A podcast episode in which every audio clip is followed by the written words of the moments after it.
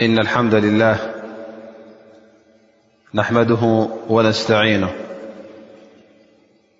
ونستغفره ونستهديه ونعوذ بالله من شرور أنفسنا ومن سيئات أعمالنا من يهده الله فلا مضل له ومن يضلل فلا هادي له ونصلي ونسلم على الرحمة المهداة محمد بن عبد الله وعلى آله وصحبه ومن والاه وبعد خبركم أحوات خبركن أحت السلام عليكم ورحمة الله وبركاته كم تترمدبنا إن شاء الله لمعلت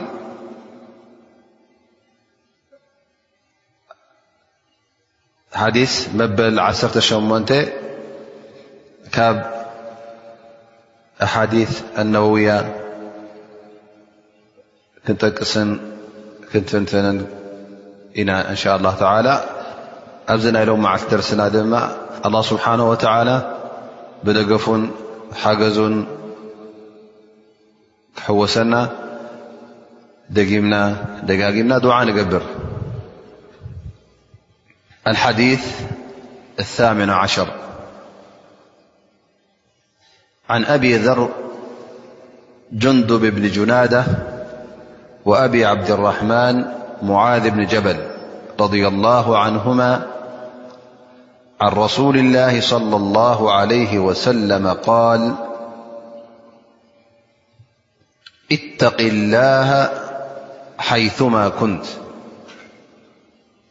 الله حيثما كنت وأتبع السيئ الحسنة ተمحه وخالق الناس بخلق حسن رواه الترذ እዚ ሓዲስ እዚ መጀመርያ ከምቲ ልሙድ ኣገባብ ናይ እዛ ሓዲስ ዝሓለፈ ሓዲስ ዝጠቐስናዮ ብሕፅር ዝበለ ትርጉም ክንህቦ እንከለና ነቢና ሙሓመድ صለ ላሁ ዓለ ወሰለም ይብሉ እተቂ ላሃ ሓይثማ ኩንት ዘلኻي ቦታ هلኻ الله سبحانه وتعلى فرهي الله سبحانه وتعالى تጠنቀط وأتبع السيئة الحسنة ተمحها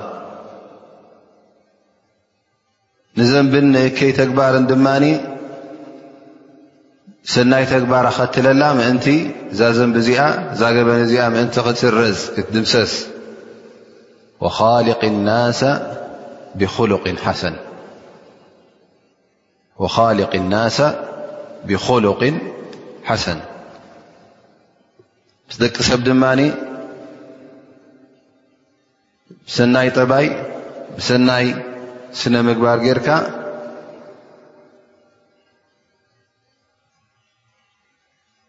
ተኻየድ ኢኻ ምስኦም ምስ ደቂ ሰብ ብሰናይ ጠባይ ጌርካ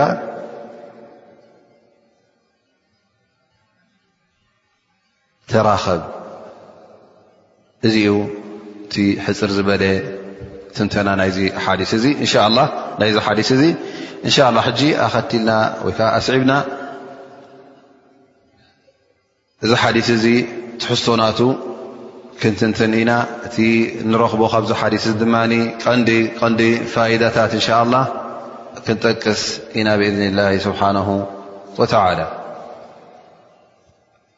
እዚ ሓዲስ እዚ ካፍቲ ኣገደስቲ ወይ ከዓ ኣገዳሲ ዝኾነ ኣሓዲስ ነቢ صለ ላሁ ለ ወሰለም እዩ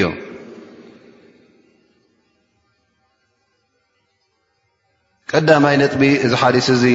ዘተኩረሉ ዘሎ እቲ ተቕዋ ኣላ ስብሓን ወተላ ካብ ኣላ ስብሓን ወተላ ምፍራህ ንኣላ ስብሓን ወተላ ብምእዛዝ ሓደ ካፍቲ ሽቶታት ቀንዲታት ናይ ዲን ከም ምዃኑ እዩ ዝሕብረና ዘሎ ስለዚ ቀንዲ ናይ ኩሉ ሰናይ ተግባር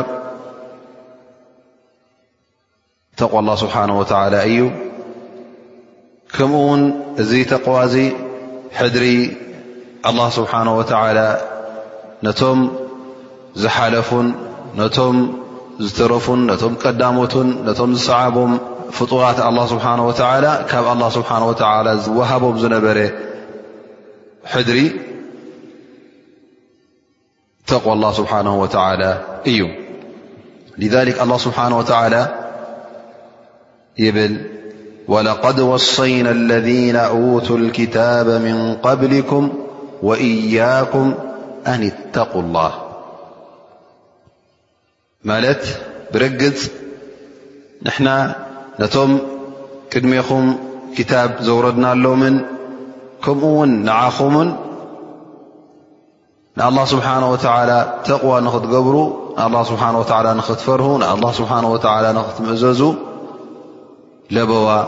ኣመሓላሊፈ እየ ይብል ኣላ ስብሓን ወላ ለበዋ ኣመሓላሊፈ እየ ነቢይ صለ ላሁ ለ ወሰለም እውን እዚ ተቕዋ እዚ ኣገዳሲ ስለ ዝኾነ ኩሉ ግዜ መደረ ኹጥባ ክገብሩ ከለዉ ነቶም ብፆቶም ነቶም ሰዓብቶም ከስምዑ ከለዉ ኩሉ ግዜ መጀመርያ እተን ዝጠቕስዎን ዝነበሩ ኣያታት ኣብዚ መደረ እዚ ኩለን እንታይ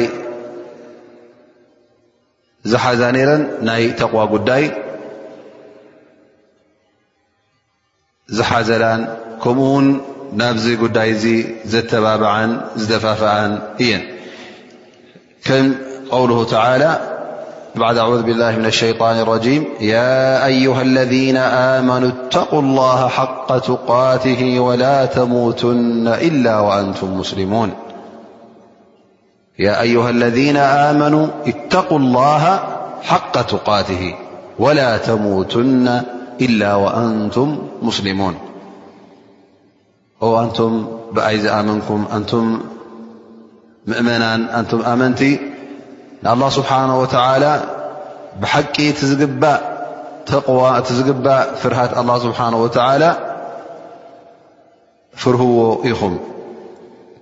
ወላ ተሙትና ኢላ ወኣንቱም ሙስሊሙን ኩሉ ግዜ ከዓ ካብቲ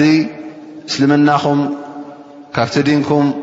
ፈልከት ክትብሉ የብልኩምን ቀጥ ዳኣ በሉ ኢኹም ክሳዕታ መዓልቲ ሞትኩም ትመፅእ ምኽንያቱ ክትሞቱ ከለኹም ኣብቲ መገዲ እምነት ፀንሑ ወላ ተሙትና ኢላ ወኣንቱም ሙስሊሙን እታ ሰዓት ሞት ስለ ዘይንፈልጣ እንታይ ማለት እዩ ኣብቲ ኢማንካ ኩሉ ግዜ ክትፀንሕ ምእንቲ እታ ሞት ክትመፅእ ከላ ኣብቲ ዘይ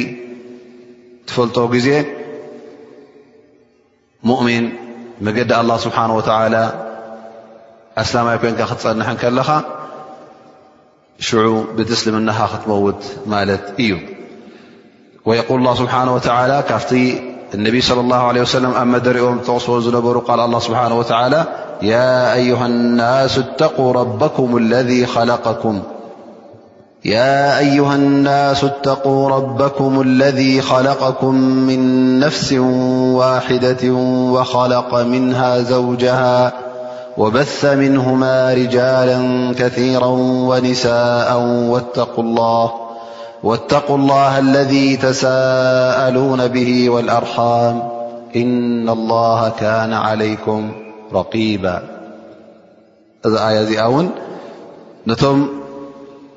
ምእመናን ጥራይ ኣይኮነትን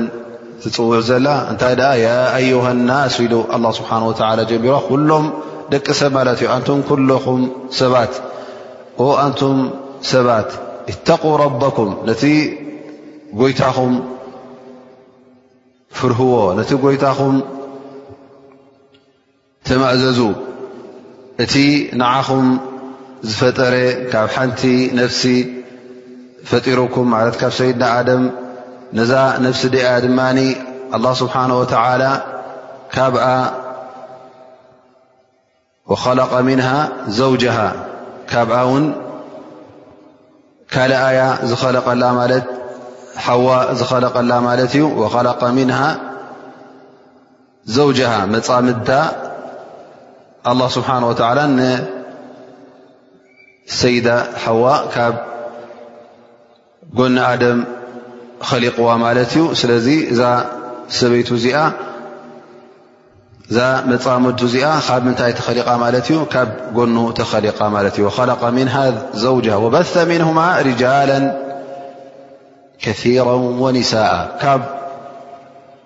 ሰይድና ኣደምን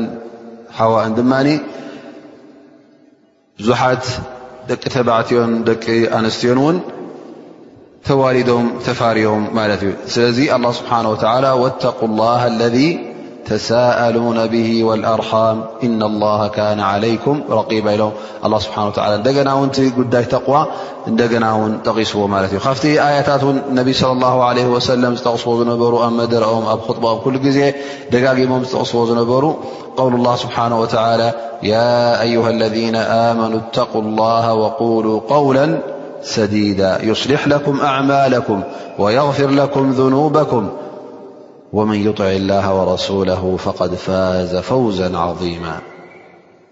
ኣቱም ምእመናን ንኣላ ስብሓን ወተዓላ ፍርሁ ካብ ኣላ ስብሓን ወተዓላ ተጠንቀቑ ወቁሉ ቀውለ ሰዲዳ ቃል ትዛረብዎን ትመልሓስኩም ዝወፅእ እውን ኩሉ ግዜ ቕኑዕ ዘረባ እሩም ዘረባ ደኣ ይኹን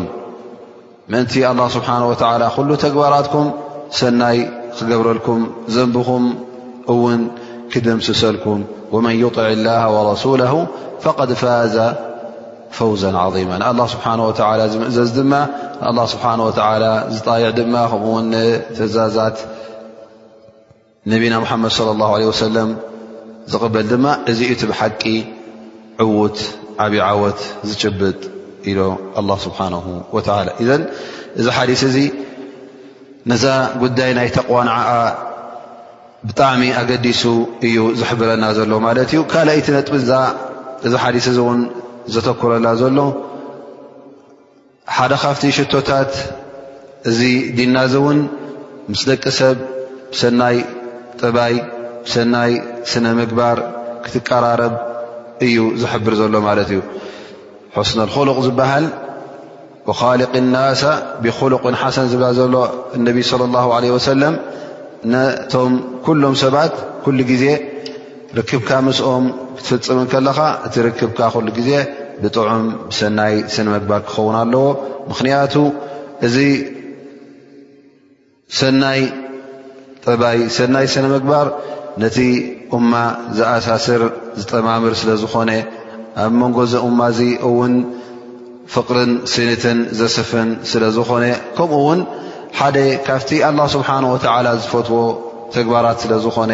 ደረጃኻ ክብ ዝብለሉን ናብ ኣላ ስብሓን ወተዓላ እተቐርበሉን ኣላ ስብሓን ወተዓላ ዝፈትዎን ተግባር ስለ ዝኾነ እዚ ነገር እዚ እነቢ ስለ ላሁ ለ ወሰለም ኣብዚ ሓዲስ እዚ ጠቒሶሞ ማለት እዩ ምእንቲ ንሕና ብግብሪ ከነውዕሎ እዘን ክልተ ነገራት እዩ እዚ ሓዲስ እዚ ጠቢርዎን ዘሎ እሰን ከዓ ጉዳይ ተቕ ላ ስብሓን ወተላ ቀዳመይቲ ካልኣይቲ ከዓ ጉዳይ ሕስነ ልክሉቕ ሰናይ ስነ ምግባር ማለት እዩ እተቕዋ ኣብ ቁርን ይኹን ኣብ ሱና ነቢና ሙሓመድ ለ ላ ለ ወሰለም ብዙሕ ግዜ ትጥቀስ ብዙሕ ግዜ እውን ንሰምዓ ኢና ተቕወላህ ማለት እውን ዑለማ ክዛረብሉ እንከለዉ ትርጉሙ ኣብቲ ናይ ቋንቋ ዓረብ እንታይ ምዃኑ ተዛሪቦምሉ ከምቲ ኣብቲ ቁርንን ኣብቲ ሱናን መፅእ ዘሉ ድማ እንታይ ዓይነት ትርጉም ከም ዝሓዘለት እዛ ተቕዋ እዚኣ ዑለማ ተንቲኖማ እዮም ማለት እዩ ፈተቕዋ ክበሃል ከሎ እንታይ ማለት እዩ በቲ ቋንቋ ዓረብ እተ ኮይኑ ተቕዋ ክበሃል ከሎ ኣብ መንጎኻን ኣብ መንጎቲ ዘስጋኣካን ዘፍርሃካን ነገር እንታይ ክትገብር መከላኸሊ ትገብር ማለት እዩ እዚ መከላኸሊ እዙ ምእንቲ ንዓኻ ክሕልወካ ማለት እዩ ካብ ምንታይ ካብቲ ዘስጋኣካን ዘፍርሃካን ነገር እንተ ሓደ ጉዳይ ዘስግኣካን ዘፍርሃካን ኣሎ ኮይኑ ኣብዚ ጉዳይ እዚ ንኸይ ትወድቕ ወይ ከዓ ካብዚ ነገር እዚ ጉድኣት ንኸይረክበካ እንታይ ካ ትገብር መከላኸሊ ወይ ዋልታ ሳትር ክትገብር ከለኻ ዲፋዕ ክትገብር ከለኻ እዚ እንታይ ይበሃል ሕጂ وىى عرب لذلك تقوى الله سبحانه وتعالى لنا بل الإمام بن رجب قال بأن يجعل العبد بينه وبين ما يخشاه من ربه من غضبه وصخطه وعقابه وقاية تقيه من ذلك إذ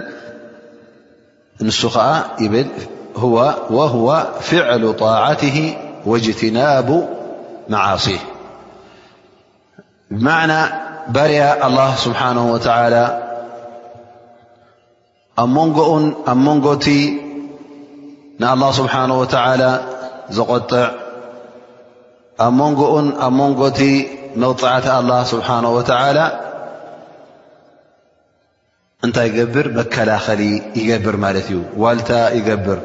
እዚ ዋልታ እዚ ከ እንታይ እዩ እዚ ዋልታ እዚ ጣዓት ላ ስብሓን ወተላ እቲ ኣላ ስብሓን ወተላ ዝኣዘዘካ ምምእዛዝ ካብቲ ኣላ ስብሓን ወተላ እውን ዝኸልከለካ ምቁጣብ እዚ እዩ እቲ ተቕዋ ዝበሃል ይብሉ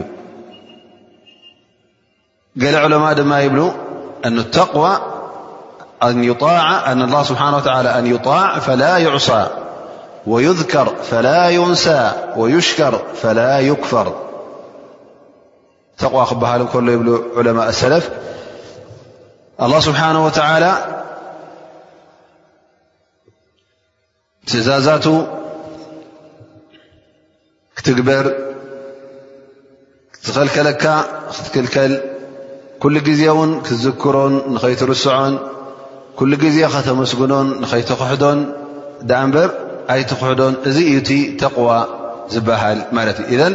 ኣብዚ ተቕዋ እዚ እንታይ ንርኢ ኣለና ማለት እዩ ንገዛእ ርእሱ እቲ ግዴታት እስልምና እቲ ኣብ እስልምና ግዴታ ዝበሃል ዋጅባት ዝበሃል ክትፍፅም ብሸርዒ ትእዛዝ ኣላ ኮይኑ ትእዛዝ ነቢና ሓመድ ለ ላ ለ ሰለም ግዳጅ ኮይኑ ግዴታ ኮይኑ ንክትገብሮ ተኣዘዝካ ክትገብር እቲ ሙሓረማት ዝበሃል ሓራም ዘብኡ ካብኡ ክትድሕን ካብኡ ክትርሕቕ ካብኡ ክትቁጠብ እንከለኻ እዚ ዩ እቲ ሓደ ተቕዋ ዋጅብ ዝበሃል እቲ ኣገዳሲ ናይ ተቕዋ ዝበሃል ከምኡ ውን እቲ ሙስተሓባት እቲ ፍትዊ ነገር ዝበሃል እውን ኣሎ እዚ ፍትው ነገር እዚ ከዓ ፍጽሞ እቲ መክሩህ ዝበሃል ብ ደረጃ ናይ ሓራም ኣይበፀሐን ግን ደረጃ ናይ መክሩህ ፅሉእ ኣብ ሸርዒ ክበሃል እንከሎ ካብዚ ክትርሕቕ ከለኻ ድማ እንታይ እዩ እዚ እዚ ንገዛእ ርእሱ ተቕዋ ይበሃል ማለት እዩ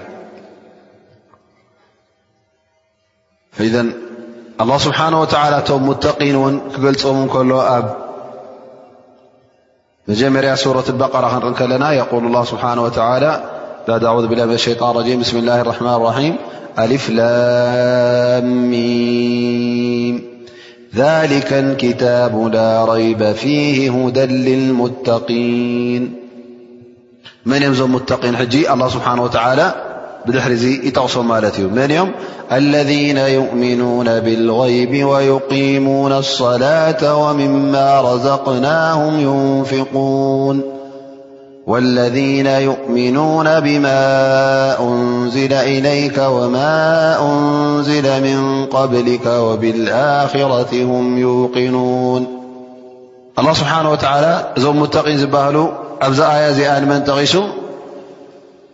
እቶም ብሓቂ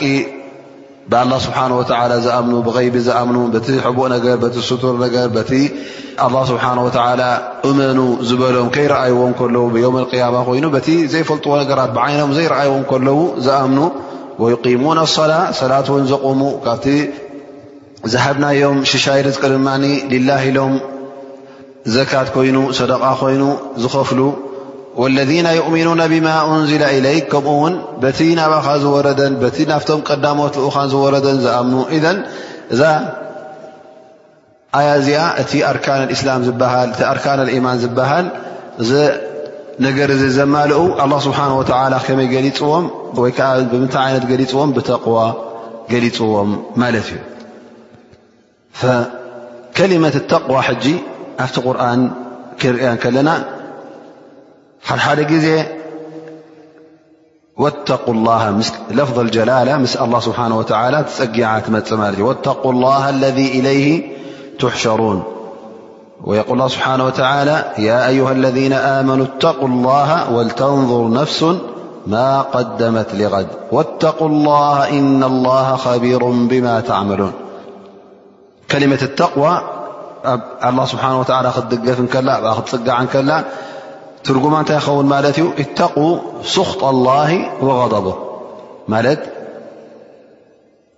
ካብ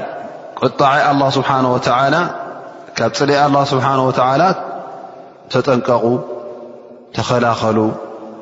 ማለት ትኸውን ማለት እዩ ምኽንያቱ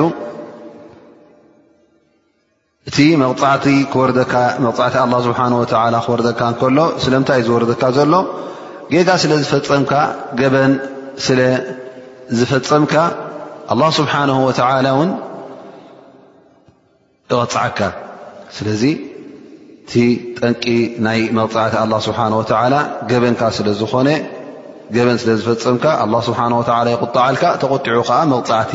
የውርደልካ ወላ ስብሓን ወተዓላ እንተ ደኣ ብሓቂ እውን ዝፍራህ ብሓቂ ክትጥንቀቆ ዘለካ ውን ዝዓበየ ንሱ ስለ ዝኾነ ኣብ ልብኻ ብጣዕሚ ዕብየት ክህልዎ ኣለዎ እቲ ኣረኣያኻ ንኣላ ስብሓን ወተላ ኩሉ ግዜ ኩሉ ክብርን ልኡልነትን ዝመልኦ ስለ ዝኾነ እቲ ተቕዋ ውን ንመን ክወሃባ ይግባእ ንኣላ ስብሓን ወላ ኣህሉ ተቕዋ ወኣህሉ መቕፊራ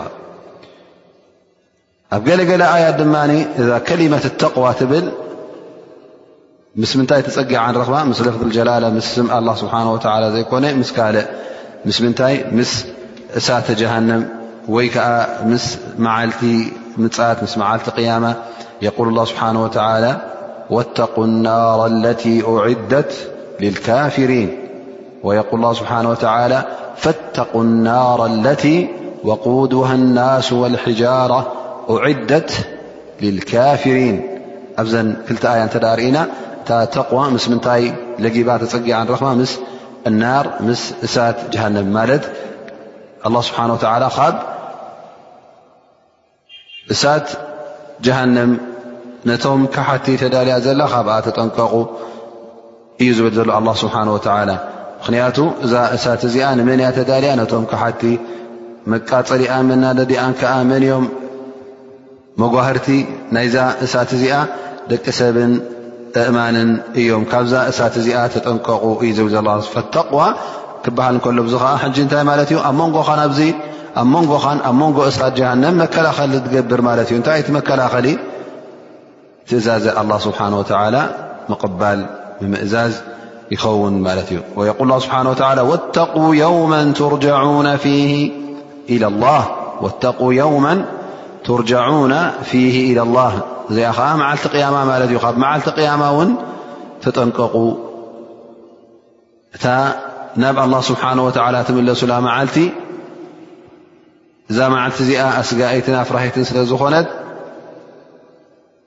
ነዛ መዓልቲ እዚኣ ፍርህዋ ኢኹም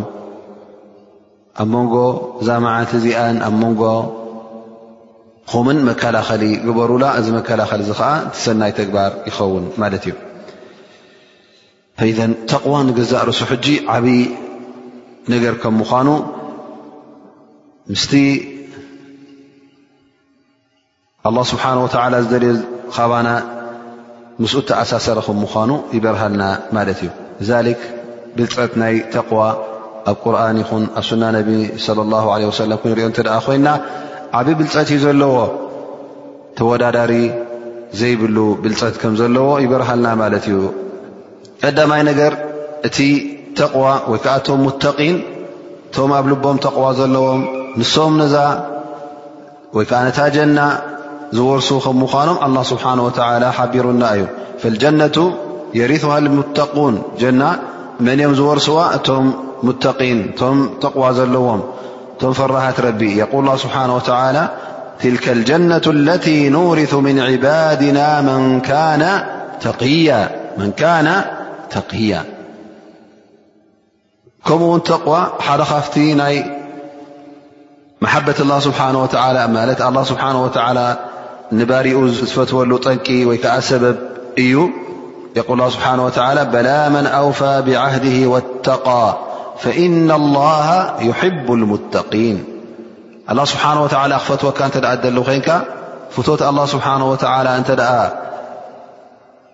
የገድሰካ ኮይኑ ካብቶም ሙተቒን ክትከውን ኣለካ ካብቶም ፈራሃት ኣላ ክትከውን ኣለካ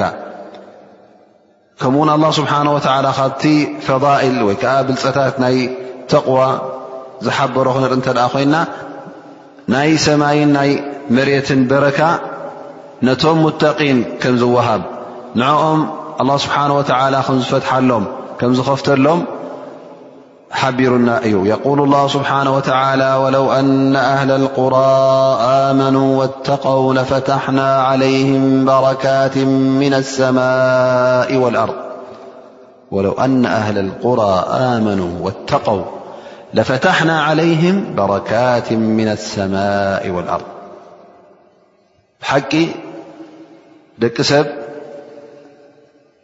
እምነትን ተቕዋን ነይርዎም እንተዝኸውን እንተዝኣምኑ ብሓቂ ብኣላ ስብሓን ወተላ ካብ ኣላ ስብሓን ወተላ እውን ብደንቢ ዝፈርሁ ነይሮም እንተደኣ ኮይኖም ኣላ ስብሓን ወተዓላ ሽሻያት ሰማይን ሽሻያት መሬትን በረካ ናይ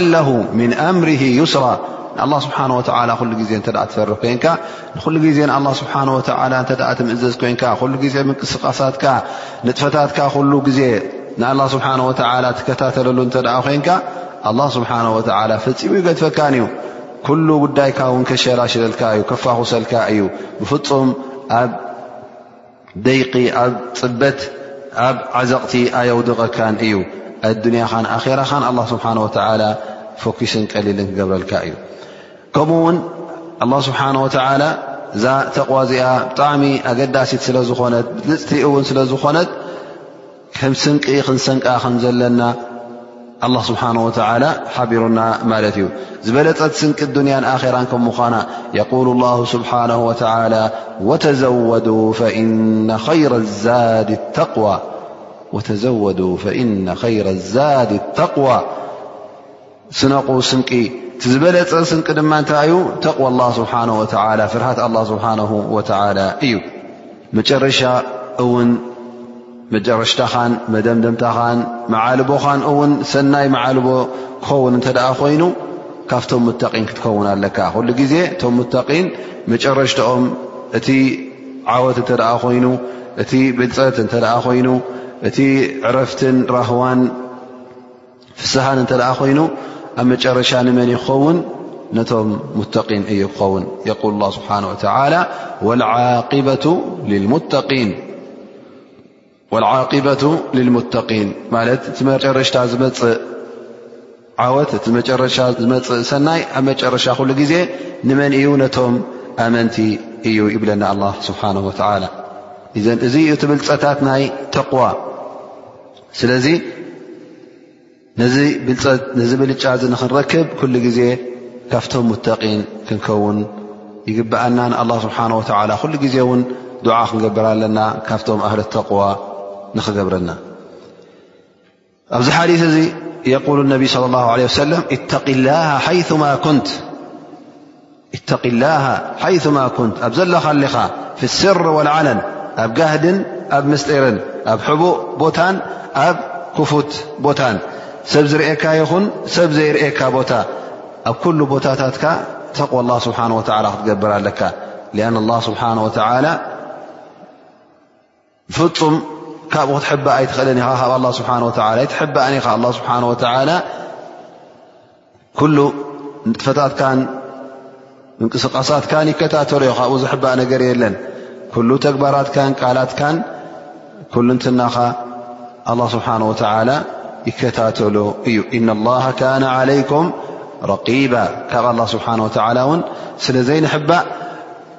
ኢዘን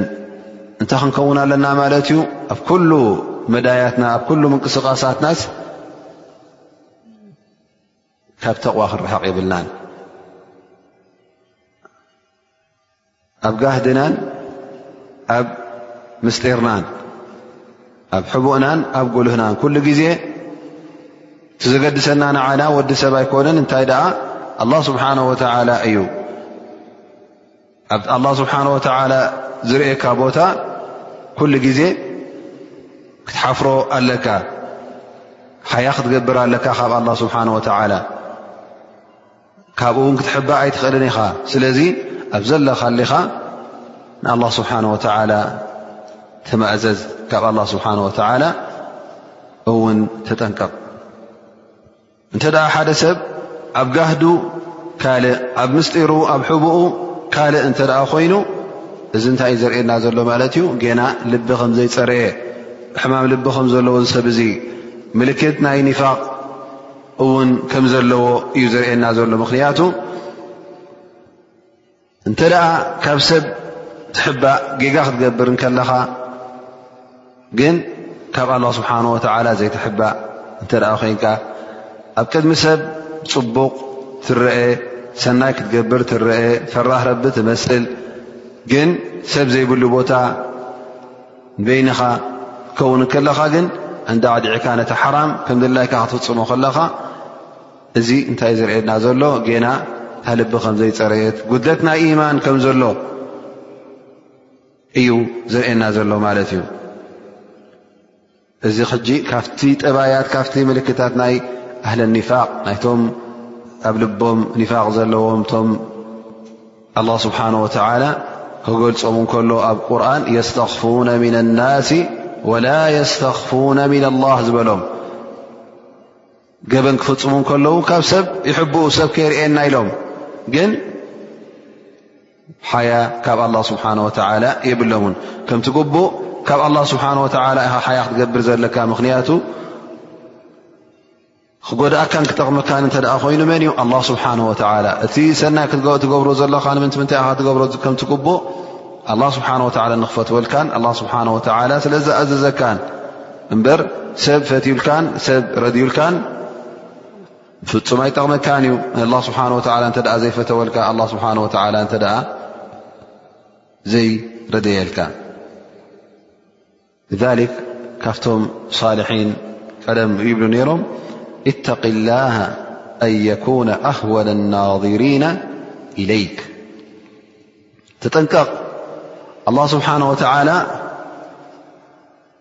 ካብቶም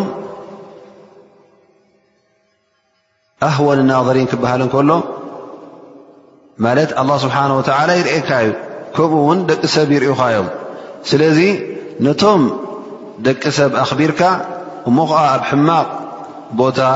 ሕማቕ ተግባር እናገበርኩ ከለኹ ከይርእኒካ ካብኦም ትሕባእ ግን ኣላ ስብሓን ወተዓላ ሕማቕ እናገበርኩ ከለኹ ከይርእየኒ ኢልካ ኣይተገደስካን ቅጭጭ ኣይበለካን ብማዕና እንታይ ኻ ተርኢ ዘለኻ ማለት እዩ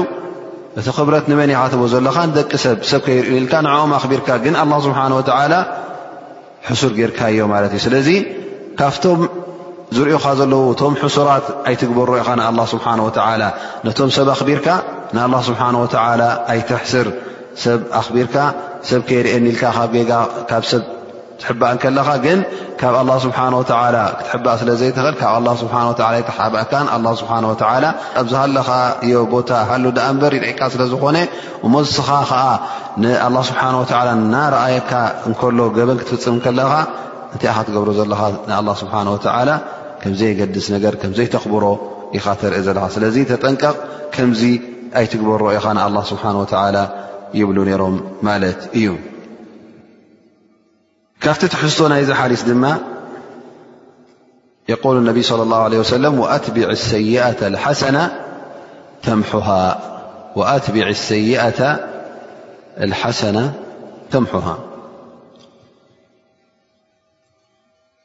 እዚ ሓዲስ እዚ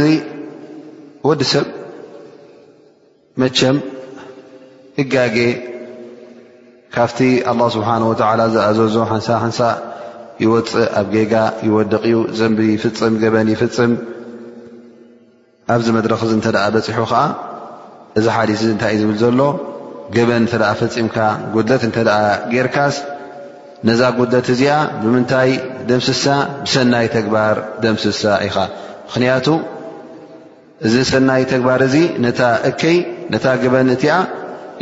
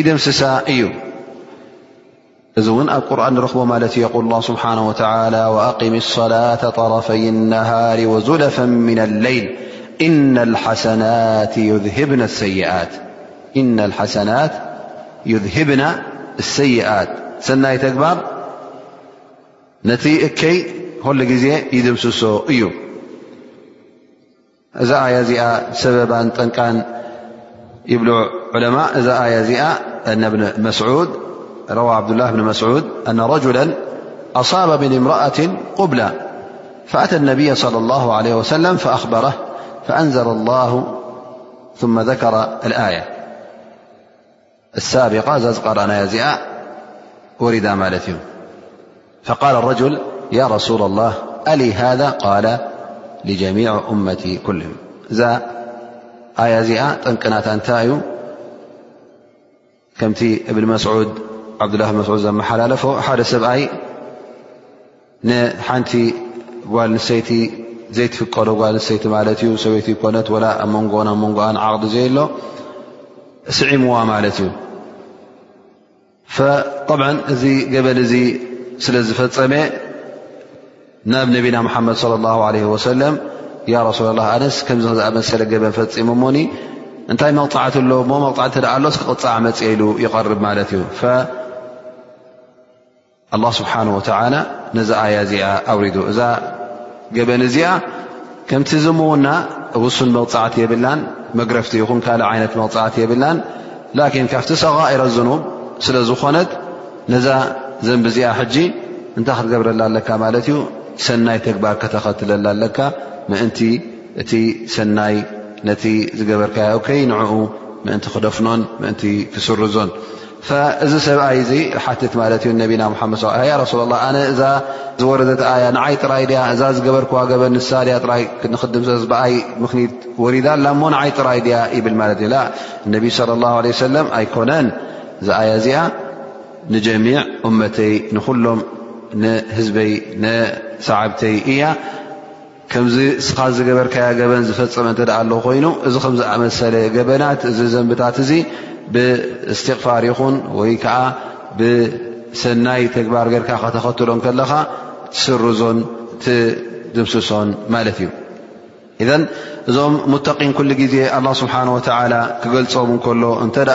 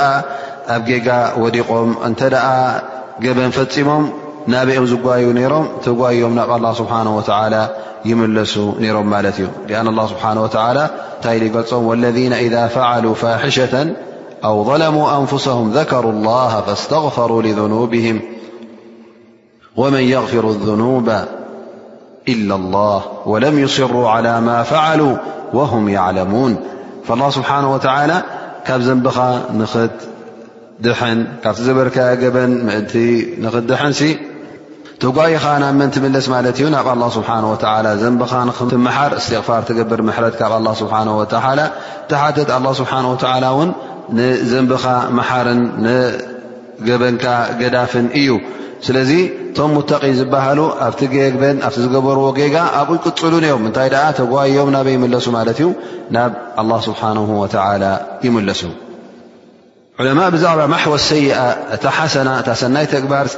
ንታ እከይ ክትደምስስ ከላ ከመይ እያ ትደምስስ ኢሎም ክዛረቡ ከለዉ ገለ ዑለማእ እንታይ ይብሉ ሓሰና ዝጠቐሰት ኣብዚኣ ብማዕና ተውባ እያ ይብሉ ተውባ ምግባር እዩ ይብሉ ብማዕና ኣተውባ ማለት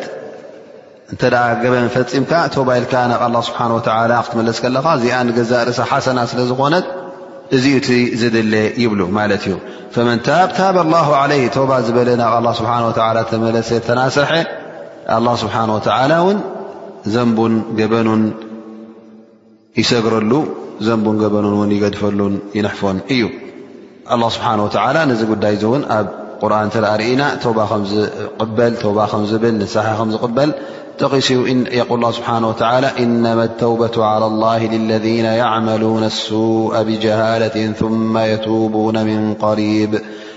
ፈውላይከ የቱቡ ላሁ ዓለይህም እታ ተባ ትበሃል ንገዛእ ርሳ ንመን እያ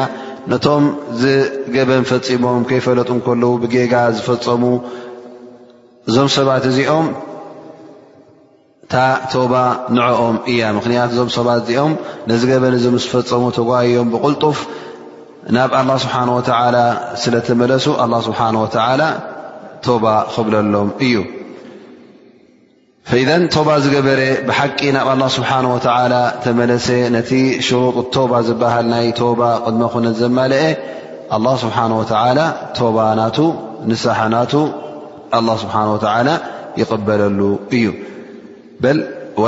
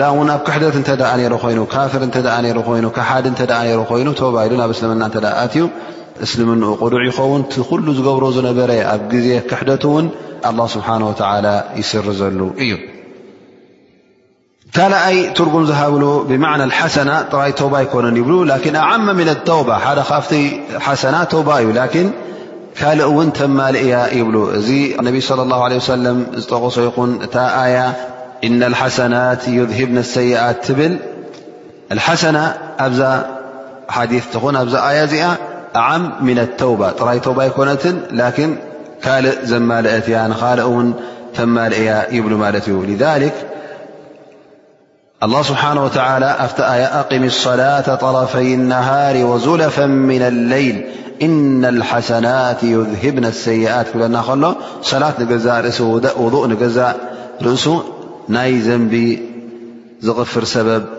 ي ك زنب قفرلك سبب كم انو مزمسس ي زحبرن ل مل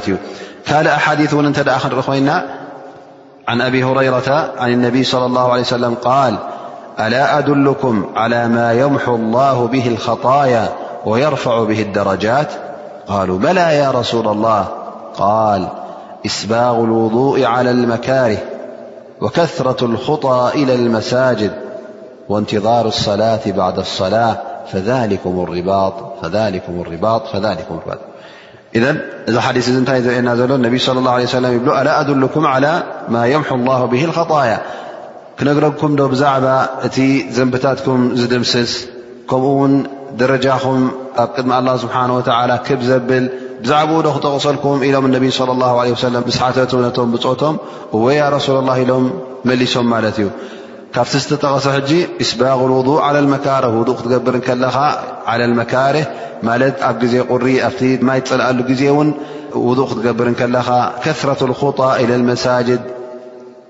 ንመስጊድ ክትመላለስ ከለኻ ንመስጊድ ገፅካ ክትስድር ከለኻ ከምኡ ውን ኣብ መስጊድ ኮፍ ኢልካ ሰላት ክትፅበ ከለኻ እዚ ንገዛእ ርእሱ ኩሉ እንታይ ገብረልካ ማለት እዩ ነቲ ዝንብታትካ ዝድምስስ እዩ ከምኡውን ስያም ረመን እውን እንተ ሊላ ኢልካ ፅምካዮ ሊላ ኢልካ እተ ለይት እውን ሰጊድካዮ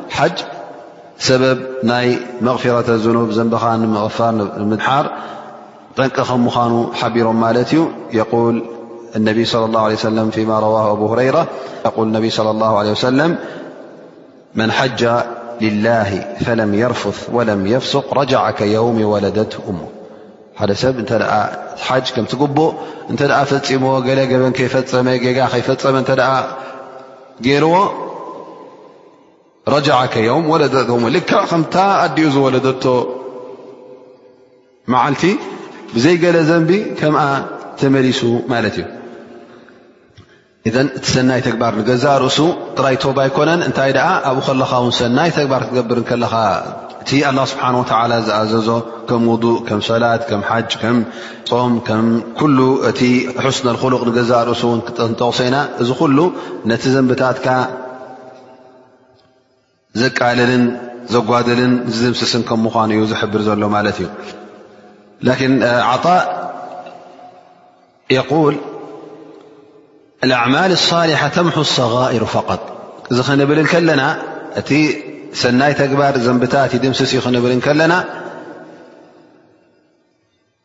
እቲ ንኣሹ ዘንብታት ጥራዩ ሰቃኢረ ኑብ ጥራዩ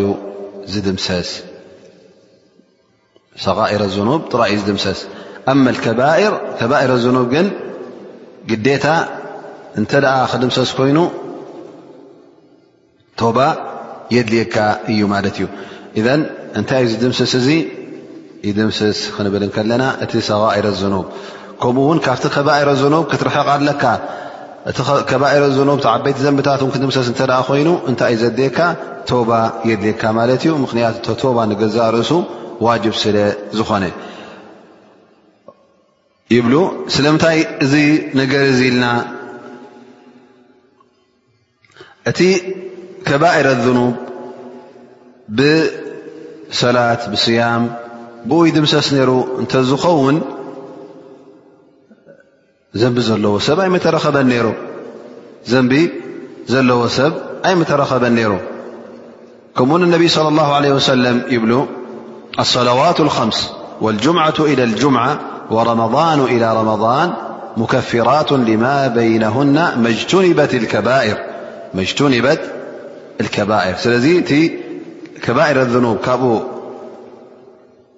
ክትቁጠብ ሓደ ካብቲ ሸርጢ ወይ ከዓ ቅድሚ ኩነት ናይቲ ተክፊር ሰቃኢር ይኸውን እቲ ንኣሽቱ ንክድምሰሰልካ እንተ ኮይኑ ካብዚ ከባኢረ ዝኑብ ንገዛእ ርእሱ ክትረሕቕ ኣለካ ማለት እዩ ኢዘን ሓደ ሰብ እዚ ክንብሎ ከለና እቲ ዝድምሰስ እንታይ ከም ምኳኑ ወይ ከዓ እቲ ዝስረዝ ዘንብታት እንታይ ከም ምኳኑ ክፈልጥ ኣለዎ ማለት እዩ ኩሉ ዘንብታት ኣይኮነን እንታይ ደኣ እቲ ሰጋኢረ ኣኑብ ዝበሃል ኣማ ከባኢረ ኣኑብ ብቶባ ኢኻ ናብ ኣላ ስብሓን ወተላ ብምምላስ ቶባ ኢልካ ሸርጥታት ናይ ቶባ ክትማልእ ከለኻ እሱ እዩ ዝድምስሶ ይብሉ ዕለማ ኣብዚ ከምዝኣመሰለ ዝጠቐስናይ ሓዲ ተመርኪሶም ላኪን እብኒ ረጀብ እማም እብ ረጀብ እውን ይብል እቲ ከባኢረ ዝኑብ እውን እንተ ደኣ ሰናይ ዝገበርካዮ ነገራት ብዙሕ እንተ ደኣ ኮይኑ ኣብ ዮም ኣልቅያማ ኣብቲ ሚዛን ክቐርብ እንከሎ ከባኢረ ዝኑብ ተደምሲሱ ማለት ኣይኮነን ግን ኣብቲ ሚዛን ክቐርብ እንከሎ እቲ ሰናይ ዝገበርካዮ ምናልባሽ በዚሑ ነቲ ከባኢረ ዝኑብ ክስዕሮ እውን ይኽእል እዩ ተደምሲሱ ማለት ኣይኮነን ግን ብብዝሒ ናይቲ ሰናይ ተግባር ስዒርካዮ ማለት እዩ ዳኣ እምበር ብኡ ተደምሲሱ ይኮነ ጌና ኣብ ኣዱንያ ከለኻ ስለዚ እቲ ሰጋኢረ ዝኑብ እጥራይ እዩ ዝድምሰስ እቲ ከባኢረ ዝኑብ ግን ቶባ ከም ዘድልዮ ዑለማ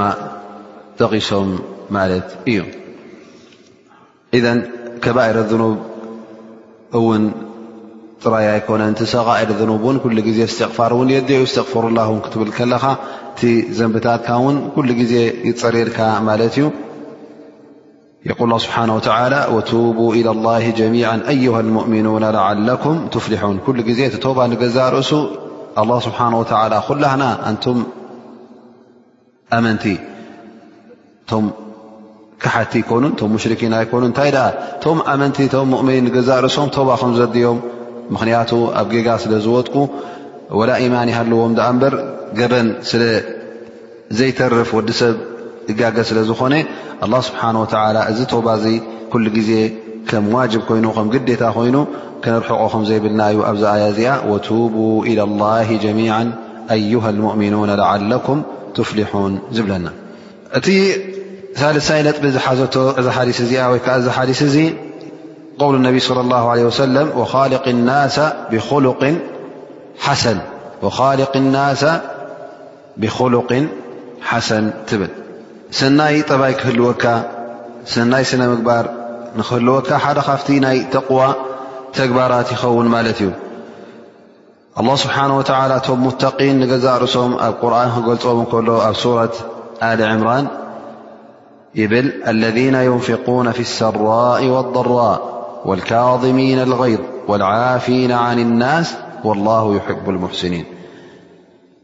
م متين ي أعدت للمتقين ل مس ود قمي ي للمتقين الذين ينفقون إذا م متين منم م لله لم في السراء والضراء رهو بة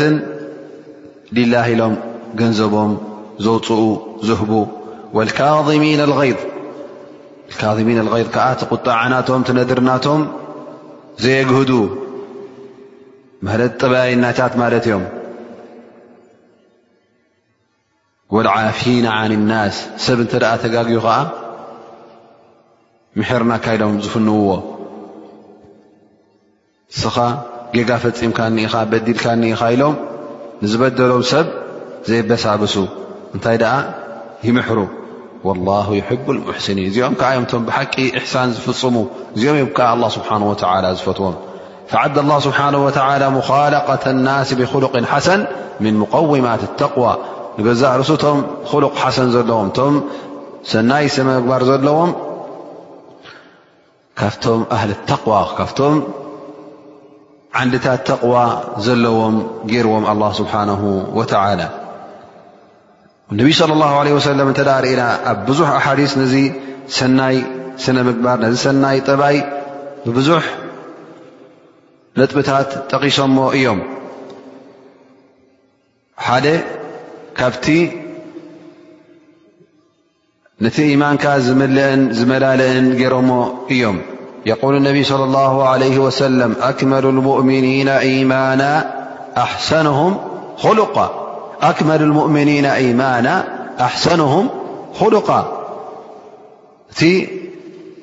ካብቶም ሙእምኒን በዓል ሙሉእ ኢማን ዝበሃል መን እዩ ኣሕሰንሁም ሉቃ እቲ በዓል ሰናይ ጠባይ ይብሉ ነቢ ለ ላ ለ ወሰለም በል እቲ በዓል ሰናይ ጠባይ ምናልባሽ ኣብ ሰላቱ ጉድለት ይህልዎ ይኸውን ኣብ ፆሙን ኣብ ካልእ ናይ ዕባዳ ተግባራት ጉድለት ይሃልዎ ይኸውን ግን ብሰናይ ጠባዩ ደረጃ ናይዞም ዑባድ ናይዞም ኣምለኽቲ ንኣላ ስብሓን ወተላ ለይትን መዓልትን ዝሰግዱን ዝፆሙን ደረጃ ናቶም ክበፅሕ ይኽእል ከም ምኳኑ እውን ነቢ ለ ላ ለ ወሰለም ጠቂሶም የቁሉ ነቢ ለ ላ ለ ወሰለም እነ ልሙእምና ለዩድሪኩ ብሑስኒ ክሉቅ ደረጃት ሳእም ቃእም ሙእምን ምናልባሽ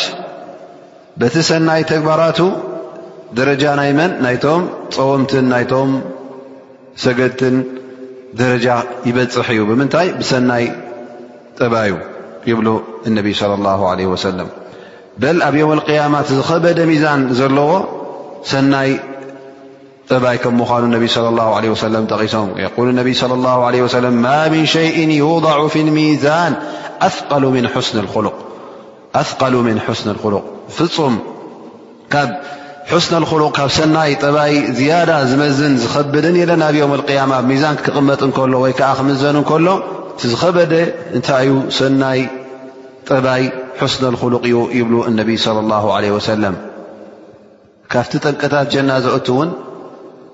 ሰናይ ጠባይ ምስ ተቕዋ ላ ስብሓን ወተዓላ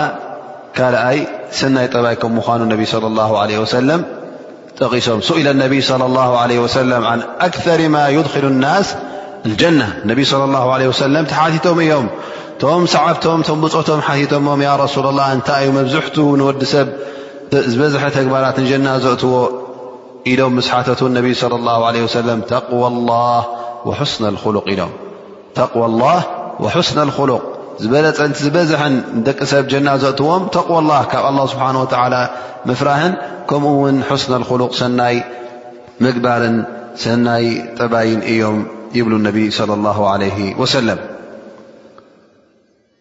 ፈኢዘን እቲ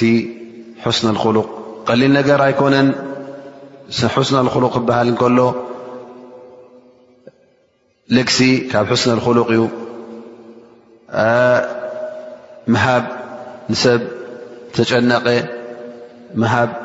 ንዓይ ከይበልካ ንነፍስኻ ገዲፍካ ንኻልኦት ምዃን እዚ ካብ ሑስነ ልኹሉቕ እዩ ዝበደለካ ሰብ በዲሉኒ ኢልካ ብዘይ ምቁጣዕ ዘይ ምንዳር ዝበደለካ ውን ዘይ ምብዳል እንታይ ደኣ ምምሓር እዚ ኩሉ እንታይ ይኸውን ማለት እዩ ካብ ሕስነ ልክሉቕ ሕስነ ልክሉቕ ውን ኩሉ ግዜ ገፅካ ብሩህ ክፉት ማዕሩፍ ሰናይ ክትገብር ካብ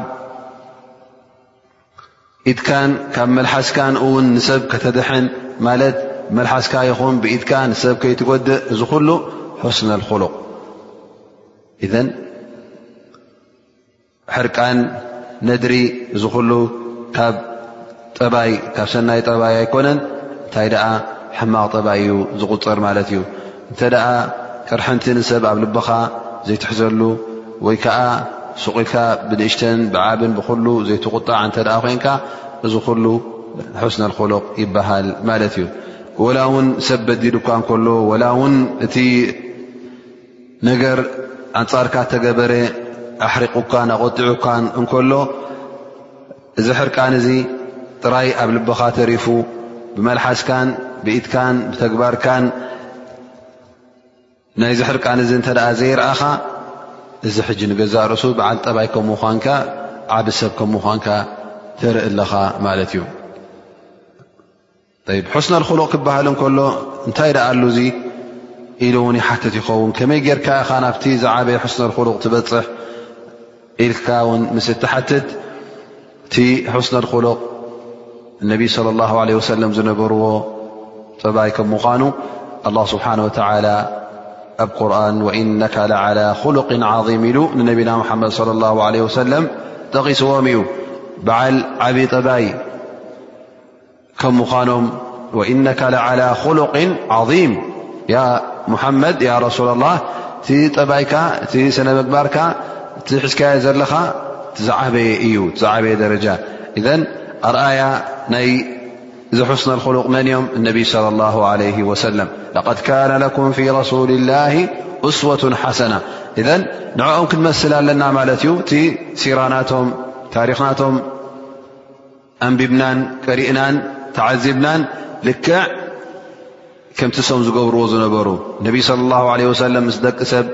ሙዓመላ ክገብሩ ከለዉ ምስ ደቂ ሰብ ርክባት ክፍፅሙ ከለዉ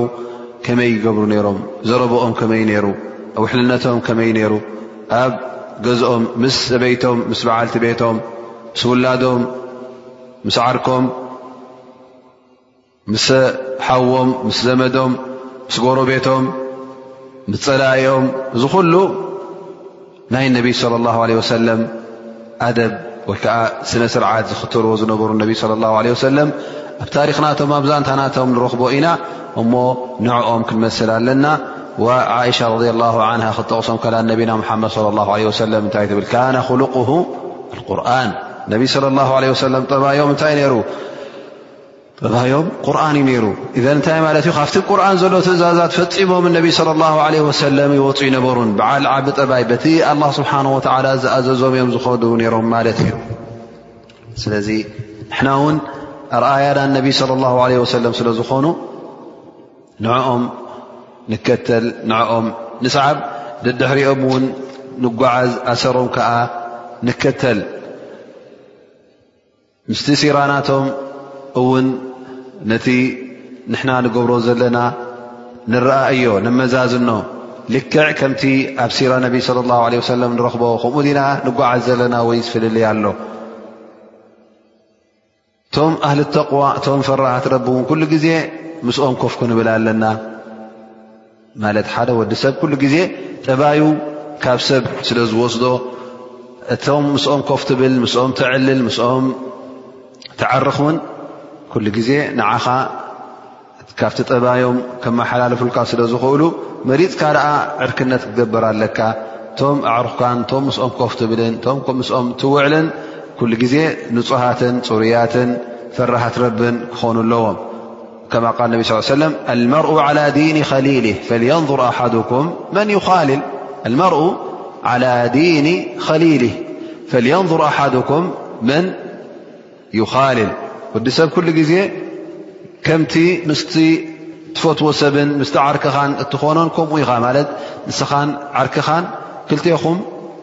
ሓደ መገዲ ሒዝኩም ኢኹም ትኸዱ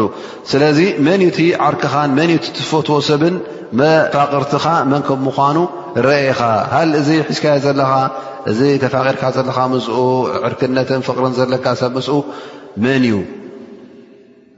ምረፅ ኢኻ ማለት እዩ ምስ ዝኾነ ሰብ ዕረኽ ማለት ኣይኮነን እንታይ ደኣ ምረፅ እቲ ምስ ኮፍ ትብልን ምስ ትዕልልን ምስ ትውዕልን ንሱ ንስኻን ጠባይኩም ሓደ ክኸውን ስለ ዝኾነ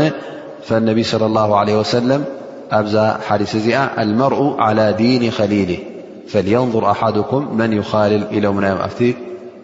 ቋንቋ ትግርኛ እውን ኩሉ ግዜ መን ከም ምዃንካ ክነግረካ ምስ መን ከም ትኸይድ ንገረኒ ከም ዝበሃል እቲ መኻይትኻ መን ከም ምዃኑ ፍለጢኻ ምኽንያቱ መኻይትኻ ንስኻን ሓደ ኢኹም ማለት እዩ እንተ እቲ መኻይትኻ